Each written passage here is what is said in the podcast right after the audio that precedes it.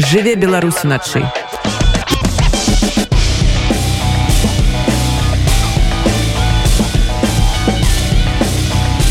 беларускія ноцы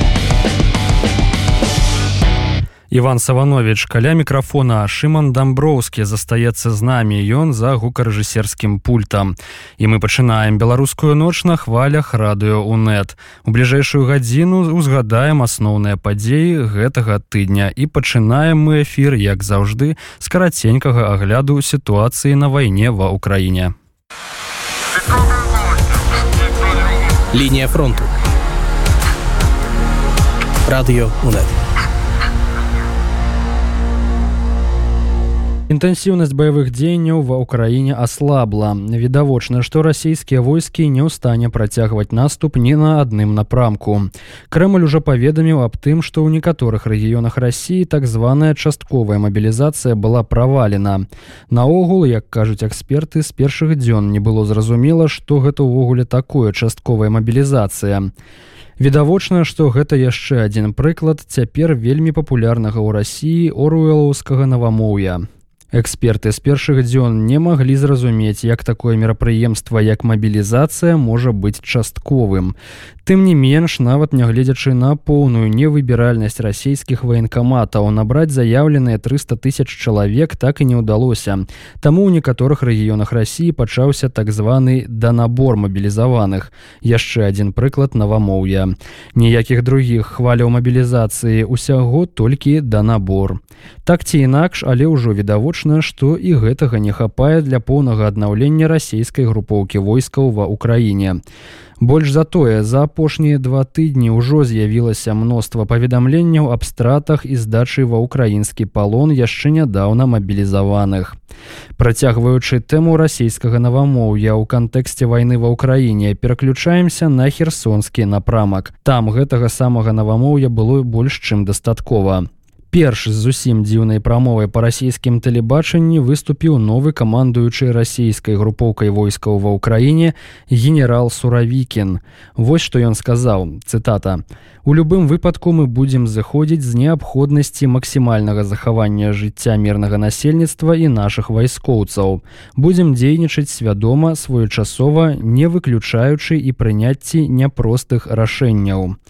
Раней тэрміны ўспышка, воплеск, перагрупоўка і адмоўны рост былі характэрныя для расійскіх прапагандыстаў і палітыкаў. Цяпер жа такімі ж абцякальнымі паняццямі пачалі карыстацца і людзі, як правіла, даволі прамалінейныя і адназначныя вайскоўцы. З падрабязнасцямі, што гэта могуць быць за няпростыя рашэнні, падаспеў прызначаны расійскімі войскамі выконваць ролю губернатара мясцовы калабарацыяніст Владзімир Сальда. Ён заявіў, што рашэнне аб эвакуацыі насельніцтва на левы бераг дняпра да моманту выступу суравікіна нібыта ўжо было прынята пакуль камандуючы расійскімі войскамі ва ўкраіне нерашуча не выключае прыняцця няпростых рашэнняў сальда ўжо ўсё вырашыў. Але і гэта насамрэч яшчэ не ўсё. Цяга да навамоўя распаўсюдзілася не толькі на вышэйшае ваеннае кіраўніцтва рассіі але і на простых салдат і афіцэраў. У адказ на заявы суравікіна і сальда прапагандысцкі тэлеграм-канал два маёры апублікаваў меркавана ліст расійскіх афіцэраў якія знаходзяцца под херсон законам. Гэтыя афіцеры заяўляюць, што будуць стаяць да смерці, а загад аб магчымай так званай перагрупоўцы стане для іх цытата водападзелам у гісторыі айчыны. З гэтага незразумела, будуць гэтыя афіцеры загады выконваць ці не. Тым не менш, мяркуючы па ўсім сітуацыя для расійскіх войскаў на правым беразе дняпра вельмі цяжкая. Вельмі магчымым з'яўляецца адступленне, альбо як кажуць у рассіі перагрупоўка расійскіх войскаў на левый бераг у хуткім часе. Не маючы магчымасці контратакаваць ні на адным кірунку расійскія войскі працягнулі абстрэлы ўсёй тэрыторыі ўкраіны ракетамі розных тыпаў, а таксама нанясенне ўдараў беспілотнікамі іранскай вытворчасці. Прэзідэнт Украіны Владзімир Зяленскі паведаміў аб тым, што нібыта каля 30соткаў украінскіх электрастанцый былі выведзены са строю ў выніку гэтых удараў. У адказ на гэта краіны захаду занялі больш рашучую пазіцыю пытанні паставак зенітна-ракетных комплексаў. Адзін з такіх комплексаў нямецкі арысте ужо быў пастаўлены ва ўкраіну і прэзідэнт украіны ўжо станоўча адазваўся аб працы гэтай сістэмы па абароне украінскай паветранай прасторы падчас апошніх ракетных нападаў. Лінія фронту. Радыё унет А тым часам нарэшце пачалася дзейнасць па аднаўленні двухбаковых адносінаў паміж украінай і беларусю. Некаторыя беларусы лічаць што займацца гэтым трэба было яшчэ раней. І сапраўды зараз гэта выглядае не як адбудова а будаўніцтва гэтых адносінаў з нуля. Тым не менш трэба адзначыць што гэта вельмі добрыя навіны. Тым больш што гэтым разам украінскі бок пачаў выбудоўваць стасункі з менавіта беларускай дэмакратычнай супольнасцю а не працягваць спробы спробы аб нечым дамаўляцца з рэжымам лукашэнкі. Так прадстаўнік аб'яднанага пераходнага кабінета дэмакратычных сілаў беларусі па замежных справах валер кавалеўскі знаходзіўся ў кіеве з працоўным візітам. Напярэдадні свайго ад'езду з кіева ён даў адкрытую прэс-канферэнцыю ў медыацэнтры украіна укрінформ таксама адмыслова для нашага радыё спадар кавалеўскі распавёў пра вынікі сваёй паездкі ва ўкраінскую сталіцу. Рэакцыю на спробы дыскрэдытацыі дэмакратычных палітыкаў і планы надалей А, ну літаральна один тыдзень я тут правёў сёння я з'язджаю ўжо ў вільню мэтамі было праінфармаваць пра дзейнасць кабінета а пра наши задачи про тыя мэты якія мы ставім перад сабою сваёй дзейнасці таксама абмеркаваць прапанову Светлана ціхановскай аб стварэнні альянса паміж дэмакратычнай беларусю і украінай высветліць якія могуць быць супольныя інтарэсы якія могуць быць супольныя задачи паміж намі і паглядзець што сёння мы можемм зрабіць дзеля вырашэння праблем сённяшняга дня і а што мы можем зрабіць на будучае кантэкст гэтай поездки супаў з абвастрэннем сітуацыі даволі рэзкім даволі хуткім абвастрэннем сітуацыі вакол э, беларусі менавіта роля беларусі э, на гэтым этапе падаецца что будзе ўзрастаць у вайне лукашэнкі супраць украіны гэтыя дзеянні якія закранаюць наўпрост інтарэсы украіны таксама і пагражаюць незалежнасці беларусі таму э, тэм было вельмі шмат. І можна сказаць что у гэта было вынікова з того пункту гледжання что атрыманы вельмі канструктыўны і карысны водгук на ідэі і на саму структуру кабінета на тое якія мэты ставяцца перад сабой нами і і таксама на тыя прапановы якія былі падрыхтаваныя што да супрацоўніцтва паміж дэмакратычнай беларусі украінай. Ад каго быў гэты станоўчы водгук? Кім у вас атрымаліся сустрэчы і перамовы усе сустрэчы якія былі былі закрытымі яны былі на такім даволі годным узроўні могу толькі сказаць что атрымаліся сустрэчы у верховнай радзе з прадстаўнікамі выканаўчай улады ну, але тым не менш мы дамовіліся что гэта будуць не публічныя сустрэчы водгук у цэлым быў па-першае карысным по-другое у, у шмат якіх момантах станоўчы што да дзейнасці кабінета да тых мэтаў якія ставяцца перад нами Ну вось дарэчы да абвастрэння апроч абвастрэння такога знешняга унутры Украіны апошнія некалькі тыдняў вакол Беларусі пачалася такая ну можна ўжо назваць інфармацыйная кампанія альбо нейкая хваля калі раней украінскія дэпутаты нібыта не заўважалі лідараў дэмакратычнай Беларусі то зараз некаторыя дэпутаты Верховнай рады ўжо выказваюцца нават можна сказаць за урад і кажуць што ўрад Украіны не ніколі не прызнае Святлану ціхановскую і што украінскаму ўраду варта супрацоўнічаць ну напрыклад з кімсьці з прадстаўнікамі палку каліноўскага так мы конечно заўважылі гэтыя заявы яны якраз супалі з маім знаходжаннем тут ва ўкраіне мы павінны разумець что зараз Украіна украінскія ўлады і грамадства ацэньваюць менавіта практычныя захады свету будь то краіны захаду ці беларусы для того каб дапамагчы ім справіцца з гэтай агрэсіяй каб перамагчы ў гэтай вайне. А ў гэтым сэнсе пол каліноска канешне з'яўляецца нашим абсолютным лідарам тое што яны змагаюцца са, зброі ў руках супраць расійскіх агрэсараў. Гэта вельмі цэніцца украінцамі. Мы можемм толькі вітаць такую высокую ацэнку прызнанне таго што робіць пол каліновскага які ўнёсак яны ўносяць у, у гэтую перамогу. То да прызнання ці непрызнання супрацы з кабінетам то для нас вельмі важна выбудоўваць адносіны. Мы бачым добрыя перспектывы і вельмі важна практычныя накірункі для того каб супрацоўнічаць. Таму мы не разглядаем гэта як штосьці ці выключная что гэтая ацэнка кабінета нейкім чынам можа скажем так пакінуць у баку іншыя дэмакратычныя структуры. Найперш сам кабінет под кіраўніцтвам ціхановскай мы якраз думаем что гэта можа нам дапамагчы у тым каб развіваць адносіны надалей каб яны станавіліся больш практычнымі Ну вось з аргументаў людзей якія выступаюць у апазіцыі дэмакратычным сілам беларусі з'яўляецца тое што Светлана ціхановская яе офіс ну нібыта доўгі час ніяк не маглі не маглі вызначыцца з пазіцыяй по Крыму. І яшчэ за адзін з дакораў які гучыць пастаянна у ва украінскай супольнасці гэта інтэрв'ю у свой час якое Светлана ціхановская дала іх у Москвы Ну і там яна сказала нешта пра мудрасць Пуціна скажите калі ласка что такое павінна зрабіць я не ведаю Светлана ціхановская асабіста можа офіс можа кабінет кабусь гэтыя два таких ну амаль что адзіных аргументаў у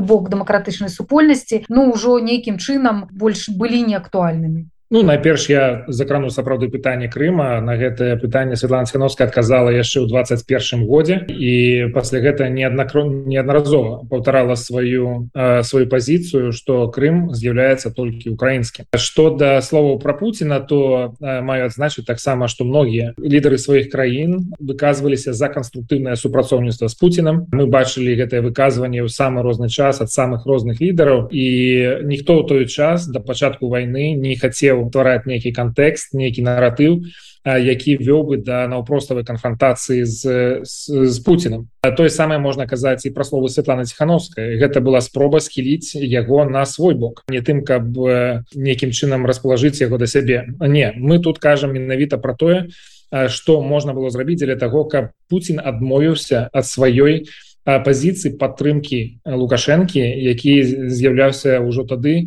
вельмі рэпрэсіўным сапраўдным дыктатарам які ні на што не назважаў больш чым на сваю ўладу. Так что для для нас гэтыя аргументы яны засталіся сапраўды ў мінулым. Гэтыя пытанні былі дадзеныя адказы выглядае так часам что некаторыя люди чапляются за за тыя выказывания дзеля того каб абгрунтоўваць нейкі свои позиции свои рашэнні на сённяшні дзень. Тут можно отказать только одно что нам трэба больш эффектыўна больш актыўна весці тлумачальную працу. Камунікацыі застаюцца вельмі важными для того каб весці палітыку ў сучасных умовах. Тому не наракаем на на украінскіх палітыкаў кажам про тое что наши камунікацыі могуць быть больш эффектыўнымі цягам прэс-канферэнцыі якую вы далі у Киеве. Вы некалькі разоў упэўнена паўтаралі тэзіс аб тым что беларускі народ не хоча удзельнічаць у вайне і нават і вайсковыя беларускія не хочуць выконваць загады і таксама не хочуць удзельнічаць у вайне супраць Украіны на чым грунтуецца такая ваша упэўненасць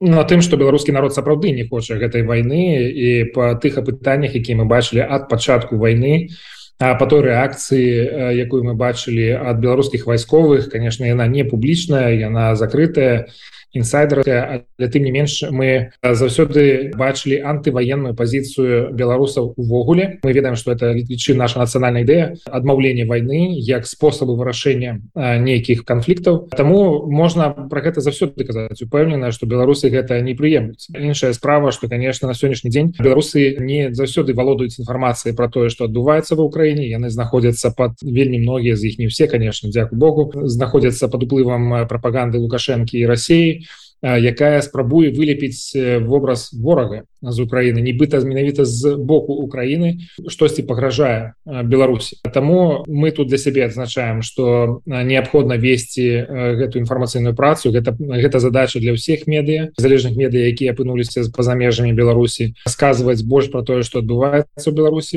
расказваць пра небяспеку якую нясе для беларусі далейшы удзел лукашэнкі ў гэтай вайне. І гэта гэта будуць досыць практычныя наступствы якія мы не хацелі бачыць на на беларускай зямлі каб вайна зноў прыйшла ў наш дом. Таму могу быць упэўненым у гэтым на 100 што большасць беларуса выступае супраць гэтай вайны і тым больш супраць удзелу беларускіх вайсковых у этой вайне. Як вы плануеце надалей супрацу з украінскімі палітыкамі украінскім урадам? Ці ёсць зараз пэўныя планы і паразумення як увогуле гэтая праца будзе трываць так канешне мы разлічваем на тое што будзем будаваць этой адносін на самых розных узроўнях важная таксама супраца экспертных супольнасцяў беларусі украіны мы рэалісты мы разумеем что не так блізка наши экспертныя грамадзянскія супольнасці былі ўвесь гэты час у мірны час. Тым больш на гэтым этапе вельмі вельмі важна ведаць і разумець адзін аднаго лепш і такая праца і экспертная і камунікацыйная на ўзроўні журналістаў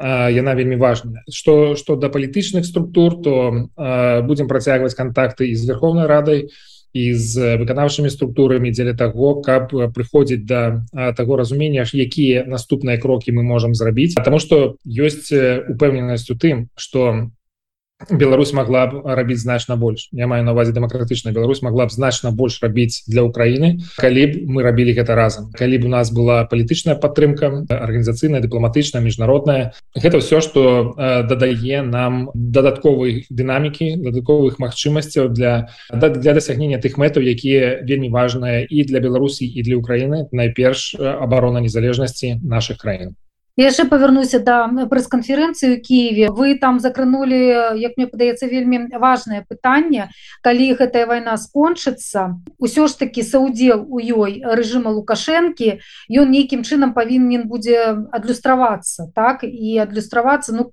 можа гэта могуць быць выплаты нейкіх рэпарацый так? Ці нейкія абавязкі і дапамога у тым каб Украіна аднаўлялася. Скажите калі ласка ці ёсць пэўны план на гэты конт. Вы так сказали что гэтае пытанне адкрыта. Але насколькі унутры дэмакратычных сілаў ёсць паразумение важнасці гэтага пытання а можа нейкія крокі ўжо зроблены нейкая праца у гэтым накірунку? Ну вы ведаеце самое галоўнае что есть разумение того что мы не будем ухіляться ад адказнасці бо зно жа згодна з міжнародным правам Беларусь на сённяшні дзень подпадае под вызначение агрэсара. Разам з тым пры разглядзе гэтае пытанне мы будзем нагадваць про тое что Беларусь знаходзіцца под унутранай акупацыі з двадцатого года что гэтая акупацыя паглыбілася і ускладнілася пасля таго як расійскія войскі зайшлі нашу тэрыторыю без удзелу беларускага народа без дазволу. Тое что пачалася вайна з нашай тэрыторыі гэта таксама было зроблена абсалютна без абмеркавання з беларусамі які з'яўляецца крыніцай улады. у згодна з канстытуцыяй то бок мы назіраем что тое что адбываецца ты рашэнні якія прымаюцца ад імя Беларусі ніякім чынам імя Беларусі не адлюстроўваюць. Не адлюстроўваюць нацыянальныя інтарэсы не волю народу. Горш за тое яны ствараюць небяспеку нацыянальную небяспеку нацыянальнай бяспецы. Даруйце за тавталогію. то яны ствараюць пагрозу нацыянальнай незалежнасці суверэнітэту беларусі. Таму гэта тое што трэба ўлічваць пры абмеркаванні пытання того якая павінна быць мера адказнасці для дзяржавы Беларусь. Таксама трэба будзе ўлічваць і той унёсак унікальны унёсак які беларусы робяць на сённяшні дзень у перамогу Украіны над расіянамі каб каб перамагчы у гэтай вайне. І тут можна пералічваць доўга тое што робіцца і тое што будзе зроблена радыё унет.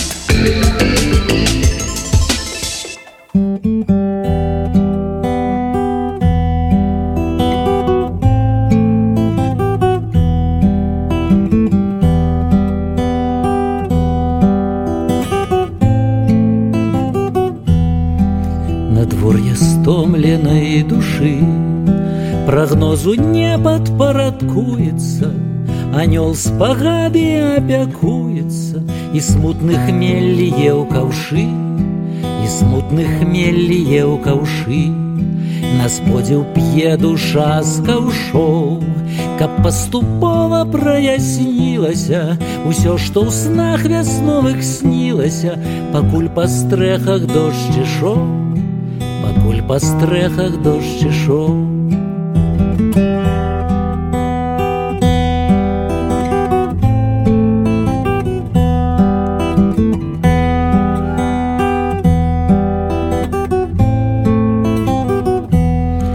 душа прачнецца і наноў Няўдзячныя тлумяць клопаты цвярозай дзень учыніць допыты. Што там было ў краіне сноў што там было ў краіне сноў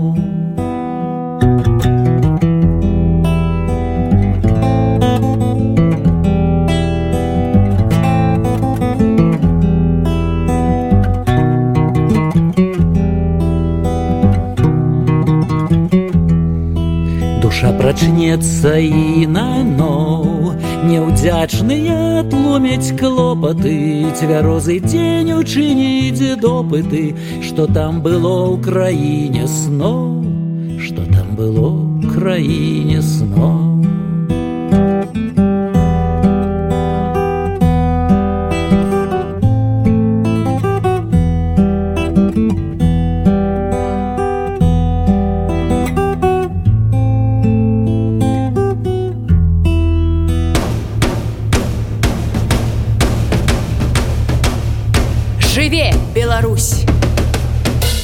19 кастрычніка ў Киеве таксама адбылася і сустрэча прадстаўнікоў палка каліноўскага з міжфракцыйным дэпутацкім аб'яднаннем у верхоўнай радзе Украіны за дэмакратычную Беларусь. Гэтая сустрэча была прынята беларускім грамадствам даволі неадназначна. Справа ў тым, што некаторыя украінскія дэпутаты заявілі, што разглядаюць менавіта полк каліноўскага як легітымных прадстаўнікоў беларускага грамадства. Многія людзі адразу задаліся пытанням, аб якой легітымнасці ідзе ідзе гаворка пра што гаварылі і дамаўляліся каліноўцы і украінскія дэпутаты нашаму радыё распавёў народны дэпутат украіны алексей ганчаренко які не толькі прысутнічаў на сустрэчы а яшчэ і з'яўляецца кіраўніком групы за дэмакратычную Беларусь ва ўкраінскім парламенце. Хотіли поспілкуватися з представниками полка Каліновського, білоруськими добровольцями, які сьогодні воюють в складі збройних сил України разом з нами. Я зустрічався з паном Ковалєвським. Я на контакті з ним і з іншими членами перехідного кабінету. Тому тут ніяких проблем немає. А вчора була зустріч, тому що за вчора ми збиралися нашою групою, і в інший день ми не могли це зробити. Чому з полком Каліновського ми зустрілись? Тому що це найбільше об'єднання білоруських добровольців. Ми працюємо силами, які здатні допомогти зробити Білорусь вільною. А ці полк Каліновського очевидно, що сьогодні є ну, ядром цих, скажімо, збройних сил вільної Білорусі, які будуть будуватися після звільнення Білорусі, і можливо, які будуть і звільняти Білорусь. А сьогодні вони воюють за Україну. Тому я не розумію питання, чому ми з ними зустрічаємось, тому що це люди, які заслуговують на повагу, вони об'єднуються і заслуговують на підтримку, і ми їх будемо підтримувати як тих, хто сьогодні боронить Україну, допомагає нам боронити Україну. Але очевидно, що перемога України це необхідна умова для подальшого звільнення Білорусі. Що стосується актів законодавчих, які там обговорювалися, один ну це моя особиста ініціатива. Обидві акти, про які згадав Каліновського. Акти їх безпосередньо стосується одна з них про те, що наш кабінет міністрів, на жаль, прийняв я вважаю неправильне рішення, яким відмінив виплату компенсації родинам загиблих, якщо ці родини знаходяться проживають на території Республіки Білорусь, і це стосується безпосередньо білоруських добровольців, тобто їх. Але однак, це навіть не вони підняли першому цю тему. Це безпосередньо підняв цю тему. Я сказав, ми готуємо колективне звернення відповідне на кабінет міністрів, і ми як завжди, ми це робили. Колись два роки тому Україна закривала державний кордон під час ковіду для всіх. По зверненню нашої об'єднання єдиний виняток був зроблений для громадян Білорусі, які в той час біжали від репресій Лукашенка. Тому і зараз будемо звертатися, і це ну і безпосередньо це стосується добровольців. Очевидно, інше це вони були просто присутні на нашій зустрічі. А однак, це ініціатива, з якою виступив я, колеги підтримали будемо ініціювати і таке звернення, і відповідні там проект основи Верховної Ради. Про це взагалі казати поки зарано. Як зареєструємо, ми повідомимо з ним. Пол Калиновського воює за Україну. В нас до них є величезна повага, тому ми будемо їм допомагати як можемо. Їхнє особисте там бачення. Ми в політику не вмішуємось внутрішньо білоруську. Ми це не наша справа. Що стосується легітимності, вони для нас легітимні, тому що вони воюють і ризикують своїм життям. Також на цій зустрічі я казав і закликав, і завжди закликаю зараз. Через вас закликаю білоруську опозицію до об'єднання. Безумовно, легітимність має Світлана Тихановська і об'єднаний перехідний кабінет. Однак, вже якщо ми хочемо вже в класичному розумінні, то легітимними будуть тільки ті органи влади, які нарешті оберуть білоруси на вільних виборах після того, як буде повалений цей режим Лукашенка, і припиниться окупація Білорусі Росії. Однак є, якщо казати про легітимність моїх особисто очах як політика, то вона є в Світлани Тихановської, очевидно, тому що очевидно, що вона тоді перемогла на президентських виборах. Я, я радий бачити об'єднання в перехідний кабінет, щонайменше частини білоруської опозиції, великої частини. І безумовно, легітимність для мене мають ці ті люди, які готові ризикувати своїм життям, підтримуючи в тому числі мою країну. От Пол Калиновського це найбільше об'єднання білоруських добровольців, які взяли в руки зброю, воюють за Україну, і безумовно ми їм за це дуже вдячні, і вони заслуговують на повагу.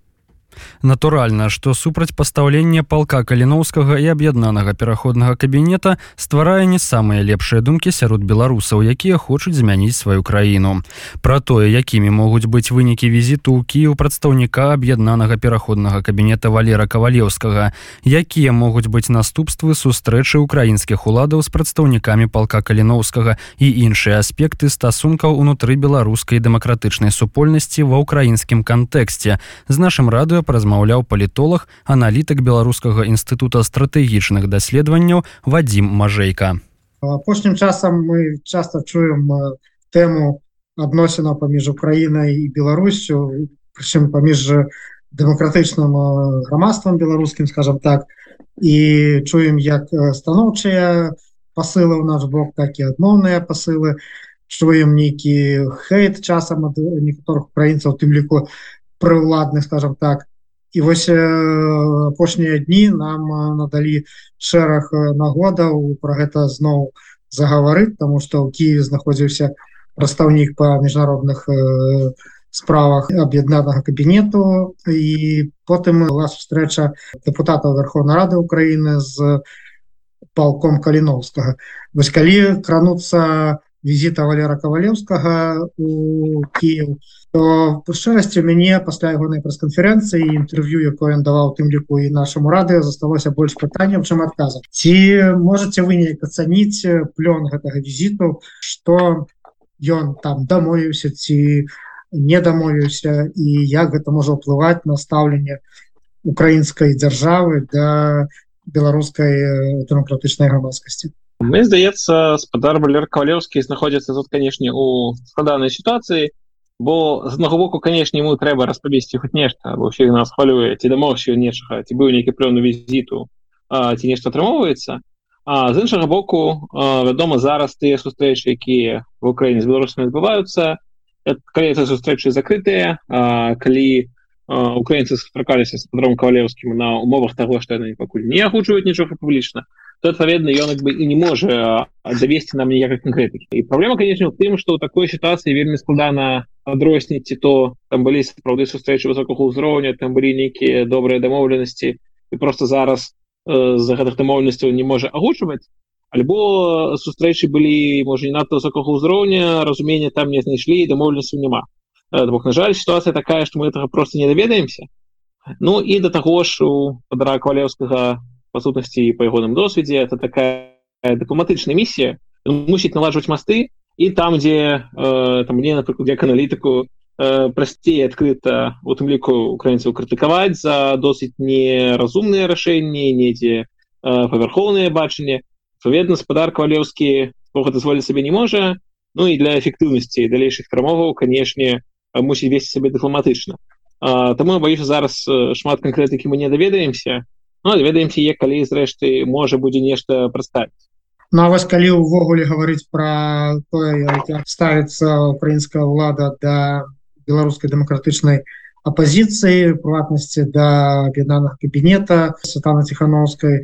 то мы бачылі такія выказванні якія напрыклад гаварыў Алексей арестович які даволі так станоўча выказваўся з разуменнем альбо напрыклад артыкул былога пасла Украіны ў Беларусі романа бессмертнага таксама ну можна сказаць апраўдваў ціхановскую асабіста і вось тыя дзеянні якія ажыццяўляюць беларусы і в той жа час напрыклад падаляк все мы ведаем гэты ягоны твіт які нарабіў шмат шуму у сеціве Як вы ацэньваеце вось тое стаўленне украінскай афіцыйнай скажем так альбо набліжанай да афіцыйнай часткі справды мне здаецца шмат праблем палягае ў тым што і беларусы і украінцы адзін на аднаго глядзяць досыць патрахоўна не жадаюць паглыбляцца ў дэталі бо калі мы глядзім на вось заявы украінскага дэпутатаў публіцыстаў розных кшталту там дарадцаў мы так бачым што нехта нам падабаецца нешта нам не падабаецца але мы не паглыбляемся ў тое у чым тут унутрыпалітычны расклады чаму гэтыя людзі зараз робяць такія заявы і як гэта выглядае сярод іх там электоратаў іхных аўдыторый і ўсяго гэтага не ведаючы таму для нас часам гэта такой просто цёмны лес і неразуменне чаму ж некаторыя украінцы паводзяць сабе так а некаторыя для таго ж справды украінцаў роўна тое самае яны не жадаюць паглыбляцца у беларускай справы што да чаго што было двадцатым годзе што ў 21 якая становіш у ціхановскай Таму на жаль вось бачу часцяком украінскія дыскусіі это прост паўтарэнне наратываў беларускай прапаганды. Часам гэта сапраўды неведанне бо напрыклад параўналі той жа спадар роман смертны я ведаю ён удзельнічае ў шмат таких экспертскіх фарматах у яго ёсць шмат доступа да экспертызы по беларусі. Шмат хто з украінскіх публічных персонаў сабе не не ускладняе сваё жыццё. Гэтым і просто робіць пляча тое просто што папулярную грамадство а для украінскага грамадства сапраўды яно не надто што арыентуецца бо з аднаго боку шмат год і нават у 21 годзе лукашенко быў самым папулярным замежным палітыкам ва ўкраіне а цяпер яны расплочваюцца за гэта з аднаго боку за верховны падыход. Но а з іншага боку украінскае грамадства паколькі насамрэч э, гэта вось да лукашэнкі дагэтуль незразумелая быццам зараз он ворахалі папулярны быў. І таму дагэтуль захоўваецца таксам паўтарэнне праўладных наратываў і жаданне знайсці э, знайсці лёгка вінаватых. І тады канешне вінаватым робіцца беларускае грамадства а якое не такое не сякое неправільнае і рэвалюцыя рабіла не так і палітыкі у нас не тыя. І э, на жаль асабліва нахвалі перамогу у, у вайсковых дзеяннях шмат кого в Украіне бачу фарміруецца такі месіянскі комплекс. Адчуванне што зараз украінцы навучыць весь свет як жыць. Што паўсюль дурні у сша дурні у брытаніі дурні у еўразвязе дурні што больш у беларусі дурні. А украінцы зараз усіх ведаюць лепей і адсюль дзіўнаватыя сапраўды вывучаць гэты ідэі што зараз мы тут правядзем у беларусі да ўлады тых военных якіх нам будзе зручна. Ну па шырасці гэта просто зеркальнае паўтарэнне наратываў ужо расійскай прапаганды.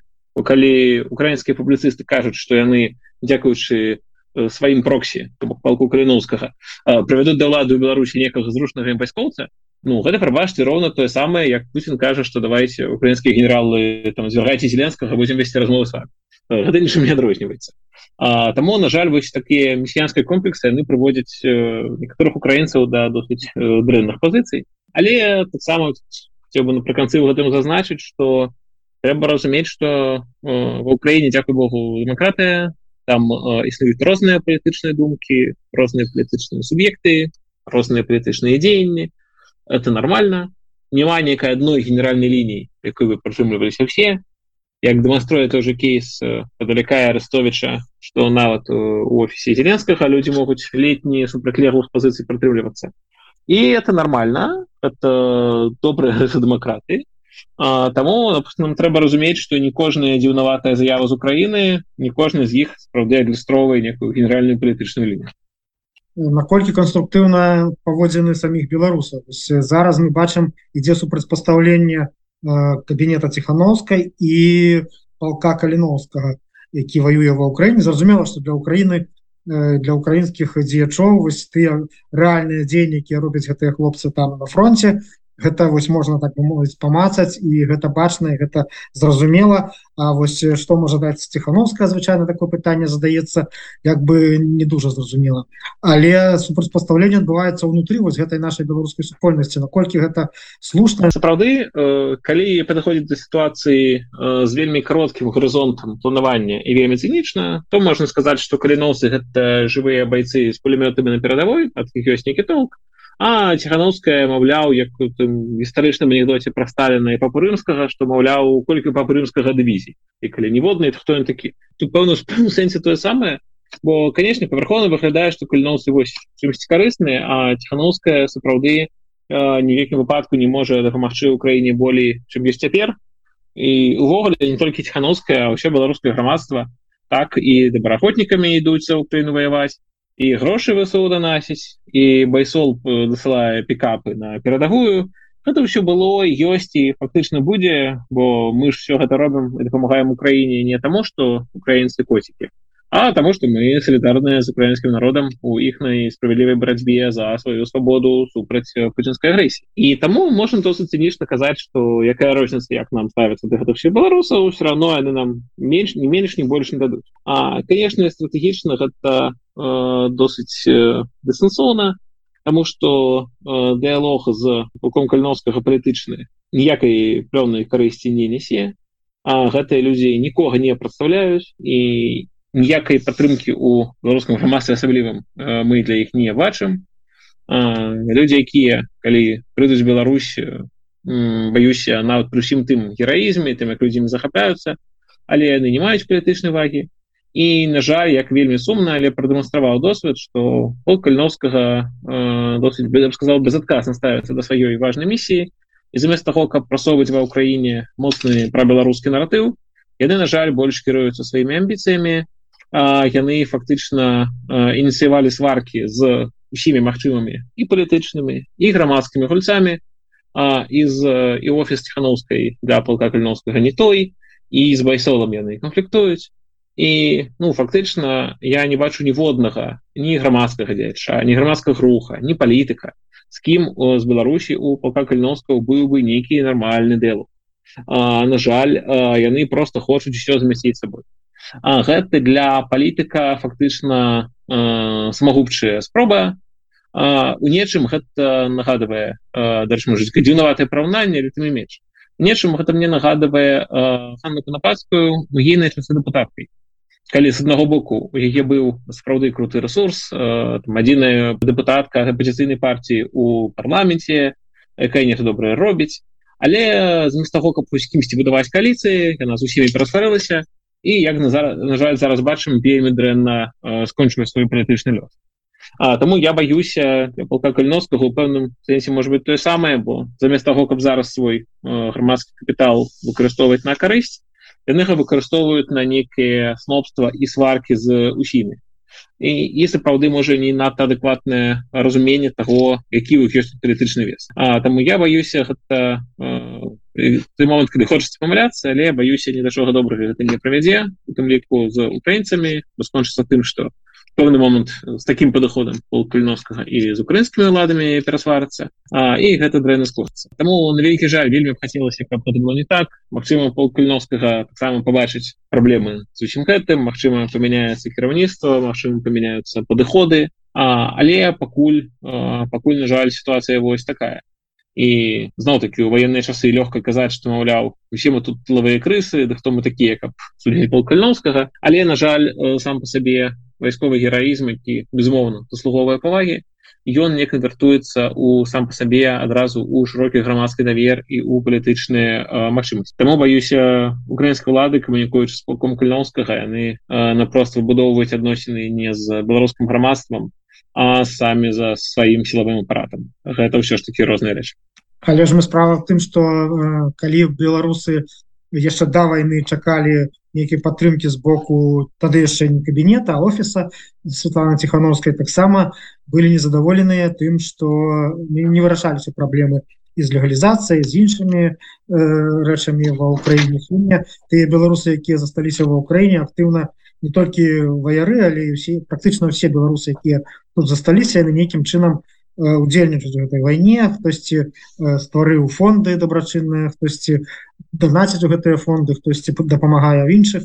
валантэрскіх ініцыятывах і тым не менш толькі зараз звярнулі увагу на, на, на гэтую беларускую украінскую супольнасць ужо ў кабінеце ці не атрымліваецца что лада Украіны бачыць что гэты офіс ціхановскай крышачку дыстанцуецца нават ад сваіх жа беларусаў якія жывуць ва Украіне. Мне здаецца дзіўна асабліва болей з боку украінскай улады перакладаць адказнасці віну на офіс ціхановскай за тое што не вырашаюцца праблемы беларусаў ва Украіне.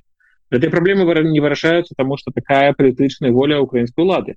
І гэта іх на падыход і зрэшты ну слухайте можна сказаць что офісхановска вінаваты что там завтра не спынілася вайна чаму офісхановска не спыніў все беларусы б хацелі вельмі просяць хановску можем написать ее калектыўны зварот але вайна так не спыніцца мне здаецца просто э, шмат хто ад пачатку ад самага лета два года э, спачатку маляваў сціхановскай летнія іконы я бачыў я там нежанны дарк святой а потым побачыў что гэта жывы чалавек звычайны палітык які чаго робіць але канешне не здольны адным сваім жаданнем змяніць свет.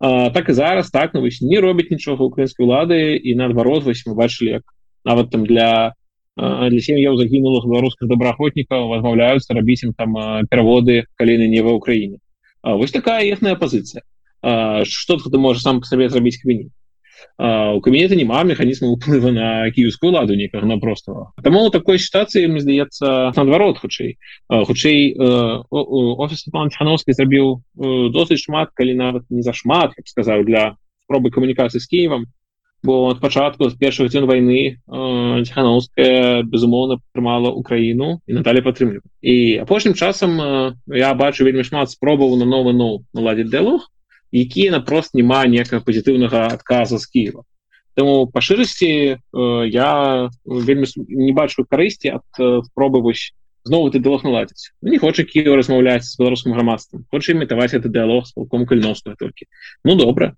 І я пакуль не бачу дарэчы адказа на пытанне калі б э, там завтра адбылася сустрэча дзеленскай хановскай А что такога зараз Украіна можа зрабіць для беларусі беларускага грамадства так Украіна можа паляпшаць умовы для беларусаў які знаходзяцца в Украіне На жаль мы бачым Украіна гэтага пакуль рабіць не хоча і наўрад ці захоча падчас войны А усе ідэі что там маўляў завтра перамога Украіны прывядзе да адразу змены лукашэнкаўскую ладу на дэмакратычную я баюся тут просто жаданне нейкім шляхам вырашыць свае праблемы без э, сваіх высілкаў ваічна чоткага гэта не прывядзе Таму па шырасці у мяне зараз не до конца ёсць разуменне справа тая якую робіць цяжка неудзячная якую робіць спадар кавалеўскі А зрэшты якой дакладнай мэты Вось не просто сустрэчы ціхановска зеленскага какой дакладны мэт там зараз можна дамагчыся і хацець дамагчыся просто акрамя того что Украіна крутая Украіна зараз тэма по ўсім свеце нумар один але які конкретны сэнс я вось па шырасці апошнім часам не надта бачу Ну і просто палітычна калі нехта не хоча з тобой размаўляць ну то не варта за ім бегаць і это выпрошваць э, жаль не так размоваецца э, нешта вырашыць у стасунку радыё у нас.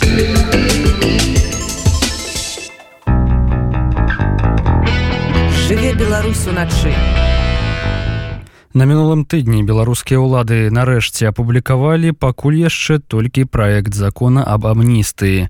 Яе рэжым анансаваў даўно і абяцаў прымеркаваць да так званага дня народнага адзінства, які з мінулага года Лукашенко абвесціў святам і прызначыў на 17 верасня. Дзень, калі ў 1939 годзе ССР напаў на Польшчу, каб разам з гітлераўскай нямметчынай падзяліць яе. Але варта адзначыць, што 17 верасня даўно мінула а амністыі ж няма і дагэтуль. Гэтай амністыі беларускае грамадства чакала з пэўнымі надзеямі бо лічыла што такім чынам улада паспрабуе даць падставы для вызвалення хаця б некаторых палітычных зняволеных якіх нагадаю паводле інфармацыі праваабарончага цэнтра вясна станам на сённяшні дзень у беларусі ўжо 1352 чалавекі. Што ж на самой справе пабачылі людзі ў гэтым законе і чаму мой калега Андрусь гаёвы абмеркаваў з праваабаронцам кіраўніком беларускага хельсінскага камітэта олегам гулакам. Падаралег у канцы мінулага тыдня нарэшце ўлады апублікавалі праект доўгачаканага закона об амністыі. З ім былі звязаныя спадзяванні ў праваабарончай супольнасці ўвогуле беларускага і замежнага грамадства што праз яго змогуць выйсці на волю хаця б некаторыя палітычныя зняволеныя. Але што мы насамрэч побачылі у опрылюдненым законапраекце? У тым проекте который опублікаваны мягко скажем э, не прадугледжваецца нейкае значное вызваленне заўважное вызваленне тых асобаў которых признали палідзеняволенымі Ну і увогуле э, по палітычных артыкулах э, вызвалення практычна не будзе ну не не прадугледжана там может быть может быть люди трапяць под нейкую поблажку которым э, нейкія іншыя артыкулы меняются падатковыя там может быть не трэба гэта яшчэ уважліва разбираться. Але то что вот палітычныя не трапляюць так это докладно. Ну и плюс яшчэ оговорка про тых кого прыцягвалі да дысцыплінарнай адказнасці Вось таксама многія людзі з гэтым сутыкнуліся. Таму это яшчэ абмежаванне я тут толькі яшчэ зраблю агаворку что ну як бы не дуже не дуже і былі вялікія чаканні. Это хутчэй хутчэй так раскручвалася это раз, разганялася гэта ідэя у сродках масавай інфармацыі Вось ніякі як бы цвярозы аналіз не особо нам подказваў что такое Мачыма але ж мы бачылі пэўныя спробы новых крокаў на сустрач захаду Еўропе з боку лукашэнкавых чыноўнікаў. Калі напрыклад той жа Макей рабіў нейкія выказванні з прапановамі пра магчымае наладжванне дыялогу аднаўленне нейкай супрацы то А менавіта гэта абгаворвалі многія публічныя асобы як магчымы пачатак ужо звыклага нам гандлю рэжыму што кіруе ў беларусі палітвязнямі з дэмакратычнымі міжнароднымі інстытуцыямі. Чаму нічога не апраўдалася? Ну на маю думку не трэба блытаць э, крокі выказвання это розныя рэчы. Хотя конечно у палітыкаў могуць быць і выказванне крокамі але в дадзеным выпадку э, дзеянні которые мы бачылі ад уладаў э, у адносінах да э, сваіх палітычных апанентаў ніякім чынам не показывалі что абрана нейкая іншая нейкі іншы падыход нейкая іншая логіка Э, стасункаў і замест рэпрэсій абраны нейкі іншы шлях вот якім чынам мець дачыняцца да да гэтых людзей да тых хто ну і не толькі да этих людзей это ж мы разумеем таксама что э, по вялікім рахунку гэта рэпрэсій которые мы бачым гэта інструмент э, галоўны зараз інструмент працы з грамадством і для того каб замяніць вот э, падыход э, заснаваны на запалохванні замяніць на нешта іншае трэба гэта нешта іншае узять на ўзбраенне что называется пачаць практыкаваць. Вось а нічога не было працягвалася э, рэпрэсіўная машина працавала як раней а толькі што былі іншыя выказванні. Ну але ж мы разумеем что калі калі раптам бы на свабоду выйшлі нават там не ўсе нават калі толькі там просто значная частка там каля тысячи людзей напрыклад Ну то як бы далей это кіраванне адбывалася Вось Ну і таму я не бачу по вялікім рахунку сур'ёзных подставаў для нейкіх таких э, чаканняў значных дзеянняў з боку ад, ад гэтай амністы Ну это одно а другое яшчэ амністыя это не інструмент для вырашэння пытання палізняволеных. Это занадта ну, так іншая правовая логіка. Это э, дзеянне праз крытэрыі. Ну это значит трэба было просто написать что такие-то артыкулы э, фактычна дзеянне значит по таких-то артыкулах мы уже не не, не лічым такими злачыннымі А это ізноў уже вяртаемся до первого пытання А пра што гаворыць вось такая сітуацыя что разлікі чаканні того что рэжым нарэшце зразумее что далей зацягваць гайкі ўжо нельга і трэба спыняць гэты махавік рэпрэсіяў і рабіць крокі насустрач цывілізаваным спосабам існавання Ну это гаворыць про то что про то что іншай іншага падыхода яны не выпрацавалі не ма у іх іншого інструмента э, працаваць закіраваць грамадствам пазбегнуць э, гэтых ізноў жа масавых акцый і адкрытых пратэстаў. Іх э, не бачыце на як там і захоўваюць эту логіку. Я іншага я тут не бачу пакуль Ну можно конечно сказать я думаю что будут такие оценки что 8 там не прапанавалі адпаведнага кошту там Европа не побачыла і не у гэтым інтарэса і не прапанавала нейкіх там значных каўрыжак нейкіх бонусаў за гэта. Вось. Але я думаю что это другасная першасная ўсё ж таки тое что якім чынам кіраваць сваёй сваёй у сваёй жа краіне так? Вот гэта пытанне самае складанае зараз для ўлады. Але ж вось у гэтую амністую ўлады ўключылі тых хто там абкрадаў рабаваў хуліганю карацей сапраўды розныя маргінальныя супольнасці якія насамрэч могуць даставіць немало непрыемнасцяў і грамадству і тым же самым міліцыянтам але за кратамі пакідаюць людзей якіх асудзілі за так званыя злачынствы якія нават паводле дзейных кодексаў адносяцца да катэгорыі менш цяжкіх. Прычым іх метанакіраваны пералічылі у десятым артыкуле гэтага закона. Як гэта можа выглядаць з пункту гледжання ну хотя б звычайнай праваахоўнай логікі но гэта ж ужо было гэта ж логіка которую мы бачылі некалькі десятгоддзяў тому э, понятце сацыяльна блізкія. Вось і палітычна чужыя. Это якраз эта логіка зараз і працуе ізноў. Э, тыя хто абкрадаюць яны ж не не, не пасягаюць на пытанні кіравання краінай яны не хочуць перайначыць лад. Вось. А палітычныя менавіта таму і небяспечныя гэта ўжо мы праходзілі. Ну які ваш прогноз вядома что калі нават не браць тых асноўных палітычных праціўнікаў рэжыму якія папрызначалі там завоблачныя тэрміны по полтора-два десятгоддзі большасць палітвязняў маюць тэрміны по два три 5 гадоў. І для чалавека які ніколі не быў звязаны з нейкім крымінальным асяроддзям у якога ёсць сем'і дзеці нейкія справы ў працы ці там творчасці гэта вельмі вялікія тэрміны выкрасленыя з жыцця.